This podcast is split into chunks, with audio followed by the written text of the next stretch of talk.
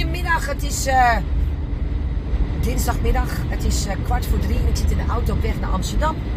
Ehm, en uh, ik, ik had eigenlijk twee dingen waar ik op heb zitten kouwen de laatste paar dagen. En ik, oh, dan kan ik er wel weer een podcast over opnemen. en nu ik lekker in de auto zit en die onderwerpen ook nog eens even heb laten zakken, heb ik besloten om in ieder geval eentje op te nemen. En, uh, en dat was omdat hij me enorm triggerde vlak voordat ik vertrok. Uh, las ik deze boodschap. En uh, wat ik in mijn vorige podcast al aangaf, podcast 152, is dat ik podcast opnemen vooral heel leuk vind op onderwerpen waar ik heel erg op getriggerd word. Omdat je, als ik me erover uitlaat, je altijd een ander effect hebt wanneer je het van me leest dan wanneer je het me hoort zeggen. En dit is weer zo'n typisch geval uh, waarin ik mijn stem letterlijk en figuurlijk wil laten horen. Om mijn boodschap niet alleen inhoudelijk, maar ook uh, met tone of voice uh, op de juiste manier op over wil laten komen. Ehm, ik las toevallig vandaag en, en ik gebruik nu even dit als voorbeeld, maar ik krijg deze natuurlijk twaalf keer per week onder mijn neus. En, en, en toen ik hem vandaag weer las, dacht ik: oh wacht, maar nou wordt het tijd dat ik dus een podcast over opneem. Want ik hoor deze veel vaker. Dat iemand zei: ja, ik ben nu al een tijdje bezig. En, uh, uh, maar ik heb nog niet zoveel klanten. Uh, maar ja, ik ben ook nog zo'n zo kei in sales. ik weet eigenlijk ook niet waar ik mijn klanten kan vinden. En ik spreek ook nog niet helemaal de taal van mijn ideale klant. Dus aan de ene kant was het een heel klein beetje een klaagzang. Van hè, ja, potverdorie. En, en waarom lukt het niet? En aan de andere kant gaf ze gelijk al de verklaring waarom het ook zo was. Nou, vandaag wil ik je meenemen dat als dit iets is wat je herkent, uh, dat, dat, dat een dergelijke situatie ontzettend veel energie van je kost.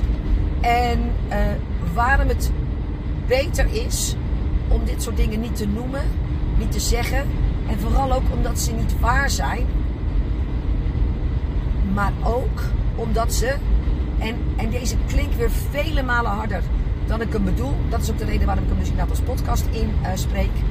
Uh, aantoont waar jij nog een gebrek aan zelfleiderschap hebt. Dus ben je ook iemand die af en toe, omdat je soms ook maar gewoon een mens bent, uh, even kan zitten zaniken en zeuren, dan is deze podcast mogelijk voor jou een, een uitkomst. En luister hem dan vooral eventjes af. Gaat ie. Welkom bij de Kick-Ass Business Coaching Podcast. De podcast met boeiende tips voor een bloeiende praktijk. Uh, het kan zijn dat degene die mij triggert op dit punt zichzelf herkent in mijn podcast. Of dat je als mijn klant herkent uh, over wie het gaat. Weet dat dit nergens persoonlijk is. Omdat ik vandaag twee klanten heb gehad met min of meer dezelfde strekking in hun verhaal. En daar ben ik ook een beetje met een gestrekt been in uh, uh, gegaan. Dus voel je nergens persoonlijk aangesproken. Of misschien juist wel, hè, want misschien is dat eigenlijk wel wat ik ermee wil bewerkstelligen. maar ik gebruik hem vooral als voorbeeld. Ehm, er is een quote van Jim Rohn. En die luidt: What you lack in skills you make up in numbers. En wat hij daarmee bedoelt is, wat je tekort komt in vaardigheden, maak je goed door het vaker te doen. Dus op het moment dat uh, jij niet zo goed kunt koken of niet briljant bent in het bakken van appeltaarten, ik, ik citeer maar even uit eigen werk nu, uh, en jij, ik, uh, stel mezelf als doel om dus minstens twee keer in de week een appeltaart te bakken dan kunnen wij het er denk ik volledig over eens zijn dat als ik dat drie, vier maanden op rij doe, uh, af en toe ook eens iemand mee laat kijken die er een expert in is, uh, uh, mijn, mijn, mijn verstand gebruik bij het lezen van de gebruiksaanwijzing en evalueren van hmm, hoe komt het toch dat ik exact het plaatje volg, maar het bij mij er toch altijd anders uitziet en anders smaakt. Dat als je dat dan drie, vier maanden max doet, dat ook jij een ster bent in het bakken van appeltaarten. En dat is eigenlijk wat uh, Jim Rohn bedoelt. Als je er niet goed aan bent, in bent, maar je wilt toch een keer een lekkere eten, dan zul je meer moeten bakken. Want één van die tien is altijd lekker. ben je er briljant in, hoef je er maar één te bakken. Dan heb je ook één uit, één uit één. En uh, als je één uit tien bakt, is er allicht altijd eentje beter dan de rest. En dat wordt dan jouw appeltaart. Nou, het bijzondere van deze manier van denken is dat je dus eigenlijk nooit fout kan doen. Dat iets niet kunnen dus eigenlijk geen excuus is. Uh, want juist door het vaak te doen, word je er zelf beter in. En, en dat is dus ook de reden waarom ik zo ontzettend verliefd ben op deze uh, quote. Uh, omdat, wat ik altijd zeg is, stel dat je slecht bent in sales, dan kan het zo zijn dat 1 op de 20 salesgesprekken maar klant wordt. Nou, als we dan het, de quote van Jim Rohn aanhouden. Um, en je zegt, ik ben niet goed in sales, dus 1 op de 20 klanten, 1 op de 20 salesgesprekken wordt maar klant. En je wilt drie klanten, moet je 60 salesgesprekken voeren. Daar kan je heel ingewikkeld over doen. Maar in plaats van zeggen, ja, ik heb geen klanten, want ik ben niet goed in sales.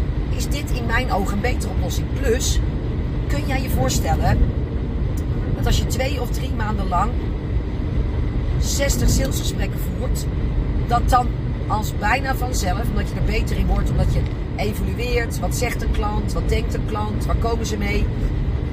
Die 60 gesprekken voor drie klanten, er uiteindelijk vanzelf 50, 40, 30, 12, 10, 9 en misschien zelfs maar 6 worden.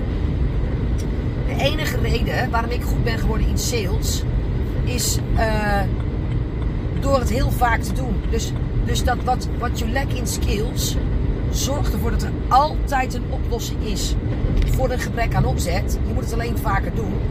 En door het vaak te doen word je er ook nog eens beter in. Dus het mes snijdt aan twee kanten. Nou, dus iemand die zegt, ja, ik ben er niet zo goed in. Dus het is logisch dat ik geen klanten heb.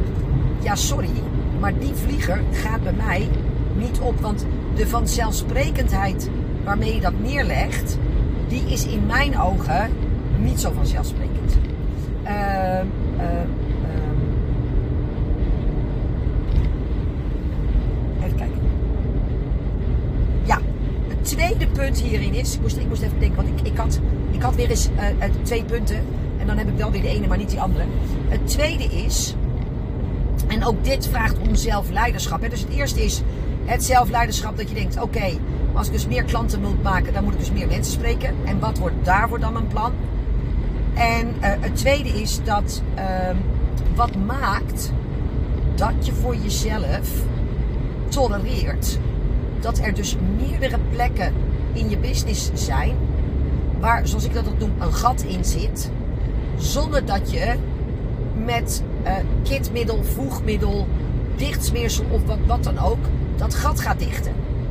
En wat ik daarmee bedoel, is op het moment dat ik merk dat ik mijn omzetdoelstelling niet haal, dan is het eerste wat ik doe, kijken wat heb ik nodig in het verbeteren van die vaardigheden om uiteindelijk die omzetdoelstelling wel te halen. En uh, daar was de persoon in kwestie, maar nogmaals, dit, dit hoor ik tientallen keren per week aan voorbij gegaan. We leggen ons er zo vaak bij neer. Ja, ik kan dat nou eenmaal niet. Maar dat je het niet kan, wil niet zeggen dat je, er niet, wat je, dat je er niet beter in kan worden. Als ik naar mezelf kijk, ik kon geen veters strikken. Uh, ik kon geen Rubik's Cube uh, maken. Uh, nou, ik kan nog steeds niet koken, maar dat stoort me niet. Dus daarom word ik er niet beter in. maar ik kon geen webinars. Ik kon ook geen sales. ik was slecht op een toneel met, met, met een tolk houden. En dan kan ik zeggen, ja, dat kan ik allemaal niet doen, want ik ben er slecht in. Of je wordt er beter in. Dus een dergelijke uitspraak is in mijn ogen ook nog eens een gebrek aan zelfleiderschap. En, en dat is niet de allerbeste kwaliteit op het moment dat je zegt: Ik wil wel heel graag een succesvolle business maken. Dus um, op het moment dat jij dit constateert.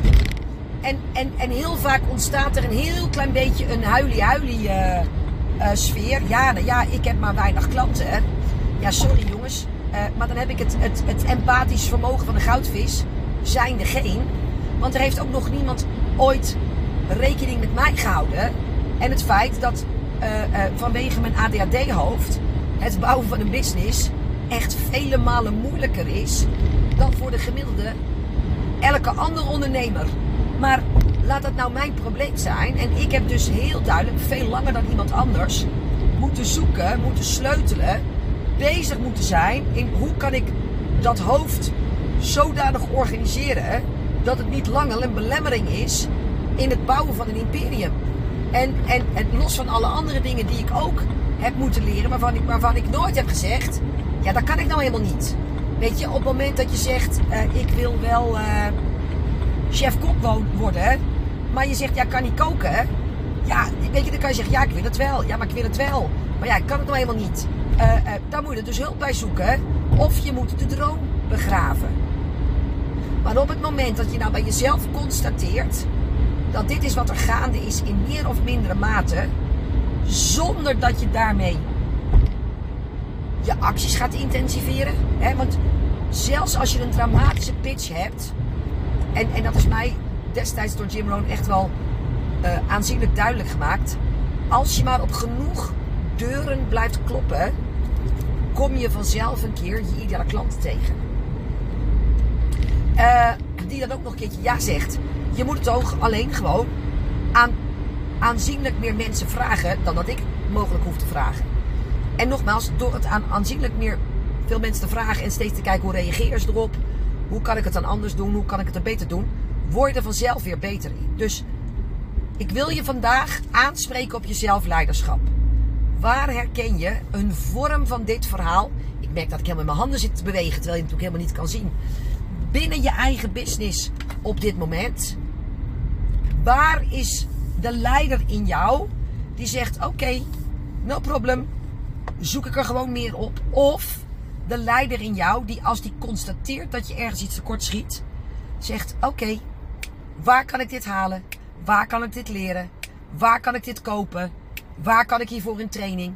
Uh, omdat het in stand houden van de situatie vaak vele malen moeilijker is. Wat Ilke de Boer altijd zegt, hè. Je moet als een ondernemer je problemen oplossen. En dus zeggen van ja, uh, uh, ik kan geen sales doen. Dus ik heb weinig verkopen.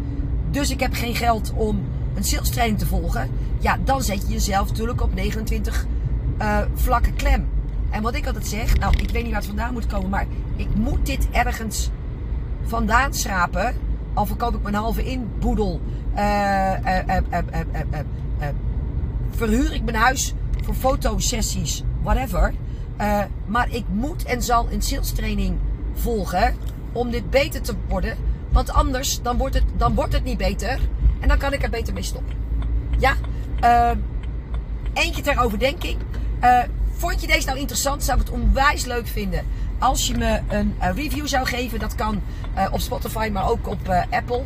Net waar je luistert door eventjes naar de homepagina van mijn podcast te gaan. En even op een aantal sterren te drukken. En je mag me er ook altijd over mailen. Vind ik altijd heel erg leuk om erover in gesprek te gaan. En dan hoop ik je weer te zien en te horen vooral bij mijn volgende podcast. Dankjewel voor het luisteren. Hoi!